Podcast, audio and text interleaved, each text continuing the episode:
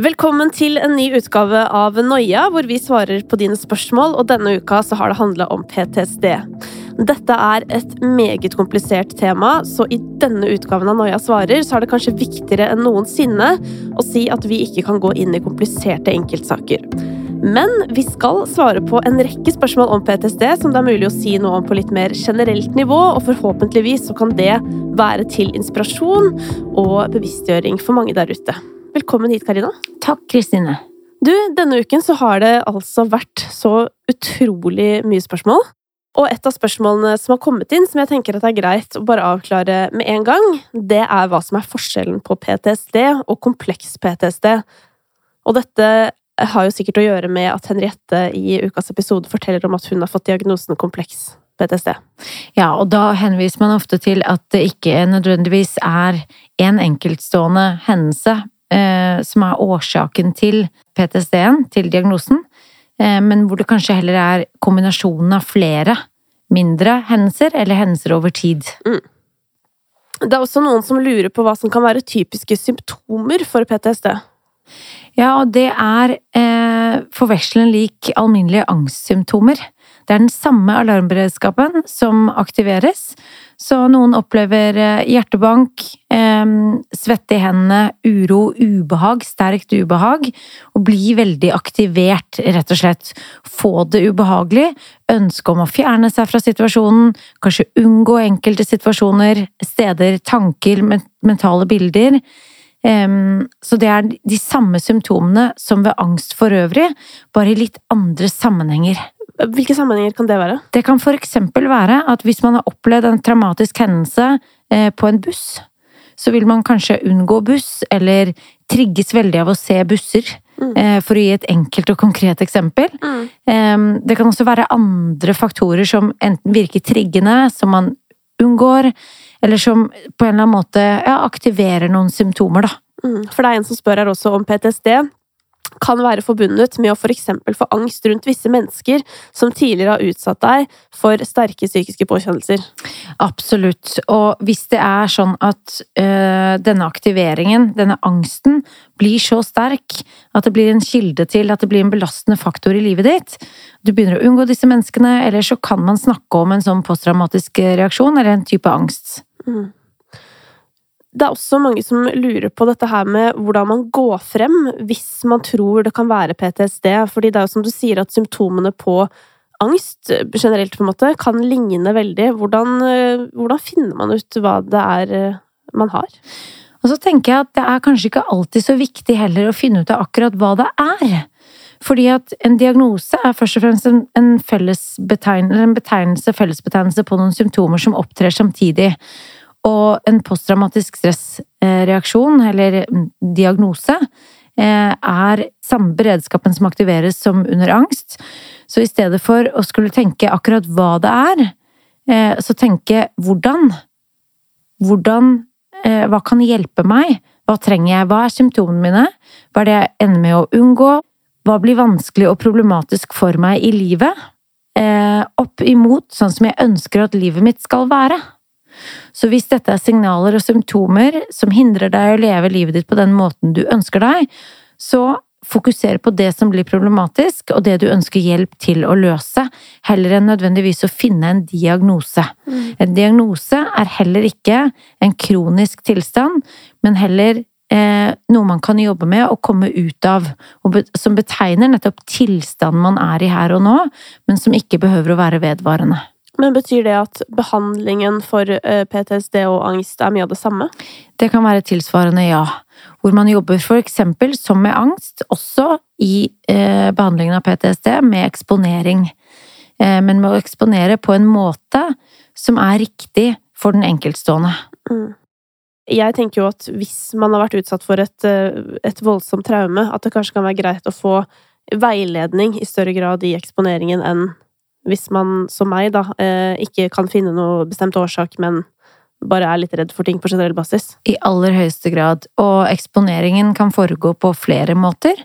Og det handler mye om å gå inn og tolke annerledes på signaler og symptomer, og bli tryggere i de signalene og symptomene som kommer, og på den måten få bearbeidet de traumatiserte minnene, da, Mm. Som er lagret både i sinnet og i kroppen. Vi skal til en som skriver at eh, vedkommende har hatt kompleks PTSD i tre år, og som kjenner seg veldig igjen i Henriette sin historie. Spesielt dette med at opplevelsene ikke føles liksom alvorlige nok til å gi så store symptomer. Og så er spørsmålet her, hva gjør jeg for å klare å komme videre i prosessen med å erkjenne at mye av det jeg opplevde i min barndom, faktisk er alvorlig nok til reaksjonen?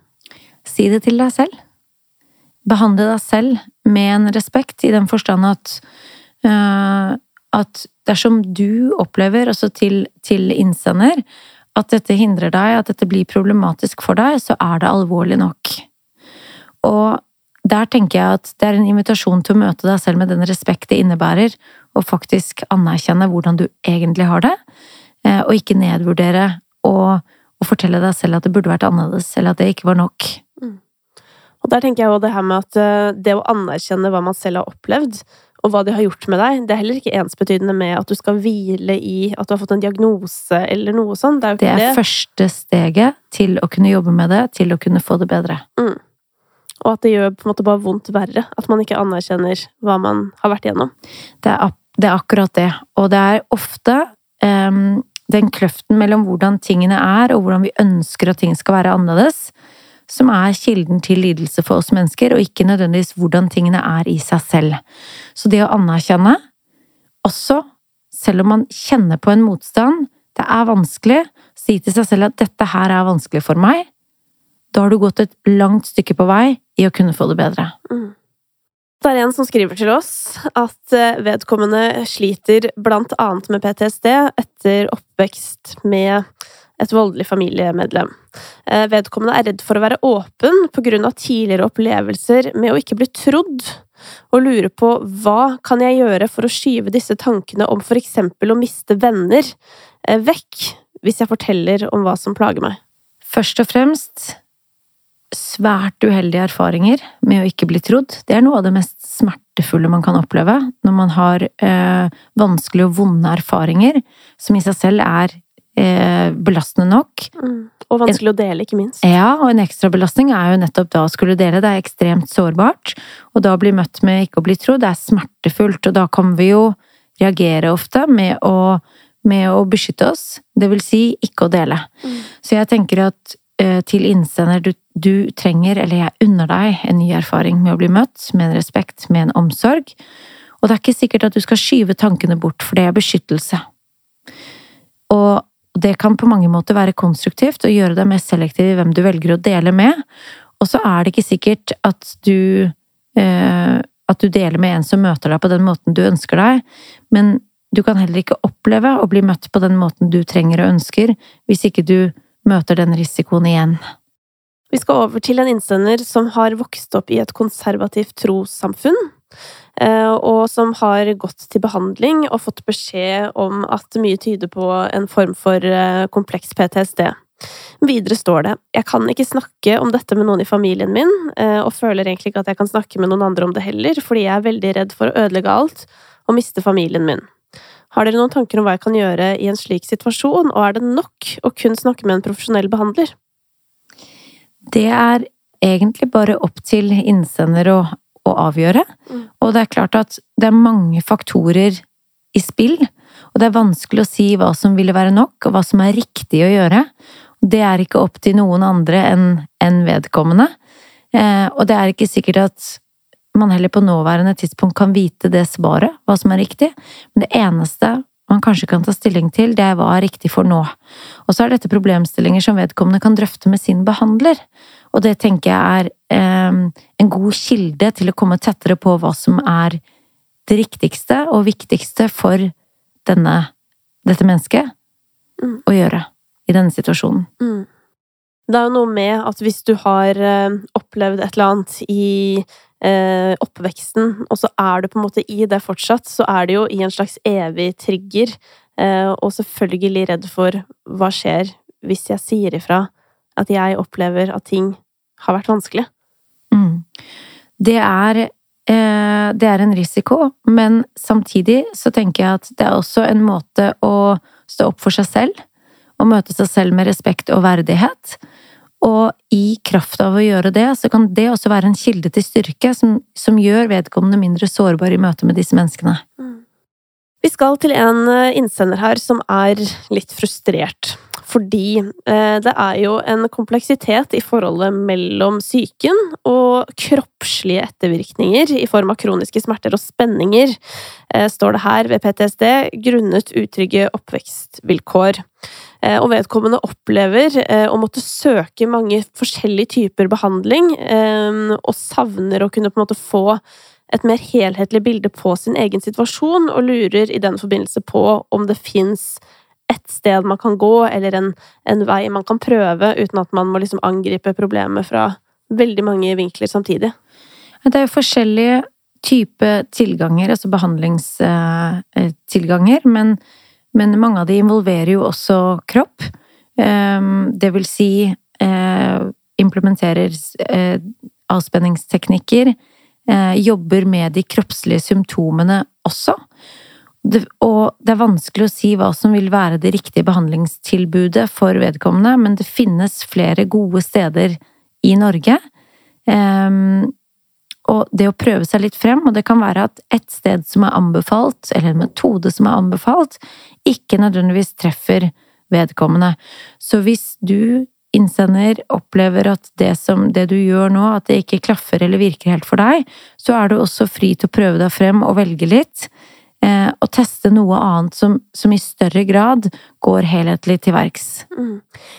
Og uten å bli Altså, jeg har jo ikke noe faglig bakgrunn for å mene noe som helst om dette, men jeg tenker jo også at eh, ting som for eksempel yoga, da, som kanskje fungerer for noen, eller dette med friluft, som fungerer for meg, eh, er jo på en måte ting eh, som ikke er direkte behandling, men som bidrar til eh, å på en måte bli mer bevisst på liksom ting som pust, avspenning, og ting som gjør at man på sikt da, eh, blir eksempel kvitt spenninger, og det er jo ikke en behandling. Det er jo mer kanskje et tilskudd til livet og noe man bruker en time på her og der, men som i hvert fall jeg opplever at har eh, avspennet eksempel kjeven min på sikt, da.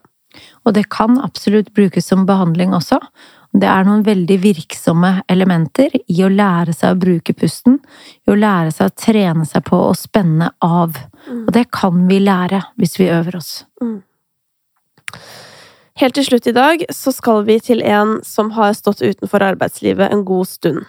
Her står det Hvordan får man til gode møter med andre på tross av at man har opplevd noe traumatisk og dermed ikke fungerer i jobb?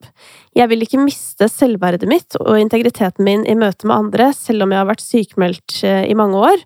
Nå vet jo ikke vi hva som er situasjonen her, men jeg leser vedkommende som at eh, det er energi eh, og inspirasjon til å gjøre ting i livet, men det er av en eller annen grunn vært problemer med å stå i arbeid, da.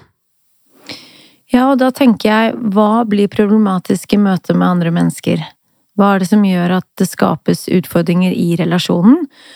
Og hvor mye av det som skaper de utfordringene, ligger hos vedkommende selv, i frykten for å bli oppfattet på en annen måte, frykten for at andre skal tenke ned om vedkommende fordi at vedkommende er ute av jobb, mm. og uh, at vedkommende også kanskje overvurderer sannsynligheten for at andre faktisk tillegger den stor betydning, tenker mye over det, uh, og da tolke på signaler fra de som bekreftelser på at de tenker over det. Mm. det, det dette er, det er, vanskelig å si noe om, men det kan være en, en kilde å, å, være oppmerksom på. Og så tenker jeg at det, det, er også en invitasjon til å være selektiv til hvem er det som, eh, hvem er det som eh, vedkommende skal bruke tid sammen med? Hvem er det som møter vedkommende med, en, med den respekten og verdigheten som vedkommende ønsker seg? Det er flere kilder her til å Eh, til å belyse utfordringene, da. Mm. Og jeg tenker jo at eh, jeg forstår jo utfordringa, fordi vi er jo et folk som kanskje prater mer om jobb enn andre folk. Det er veldig sånn 'hei, hilser, og hva driver du med?' Det er liksom rett inn i det. Eh, og hvis man da ikke har den tingen man driver med, så kan jeg jo forstå at man kan oppleve at eh, det er utfordrende i møte med andre. Men så tenker jeg samtidig at kanskje man har Altså, jeg hadde syntes det hadde vært så kult hvis jeg møtte noen og spør hva driver du med? Nei, jeg driver med litt eh, Jeg driver og strikker litt, og Eller bare sånn eh, Svarte noe som ikke hadde med jobb å gjøre, da. Fordi det åpner jo og inviterer til andre typer samtaler. Det er akkurat det, og der er vi alle ansvarlige for å snakke om andre ting, og vi må skille mellom det vi gjør og den vi er. Mm. Så det vi gjør, kan aldri påvirke eh, vår verdi som menneske. Enten øke eller minke den. Og der tenker jeg at ofte så virker dette med jobbsituasjonen veldig negativt inn på selvbildet. Eh, men det handler i stor grad om enkeltpersonens oppfattelse av sin egen situasjon, og ikke hva andre tenker om deg som menneske. Så kanskje er det også en invitasjon til at vedkommende kan begynne å tenke om seg selv som likeverdig, selv om man ikke er aktiv på arbeidsmarkedet. Mm. For det er det flere som er, uten at det sier noen ting om, eller forandrer, påvirker den menneskelige verdien hos disse menneskene. Det er jo egentlig et interessant eksperiment for flere å ta for seg, tenker jeg. At du kan se på, på måte, dine nærmeste. Hvorfor er du glad i dem? Er det fordi de er vellykka jobben sin? Og det er jo aldri det. Ikke sant. Det var denne ukas spørsmål, og igjen så vil jeg bare understreke at det er en del spørsmål vi ikke har mulighet til å ta opp grunnet kompleksitet, men jeg håper likevel det var noe å få ut av denne ukas spørsmålsrunde. Neste uke så skal du få møte en mann som er en svært eh, kjent og kjær radiopersonlighet, nemlig Bjarte Tjøstheim, og vi skal snakke om å være nærmest evig bekymra.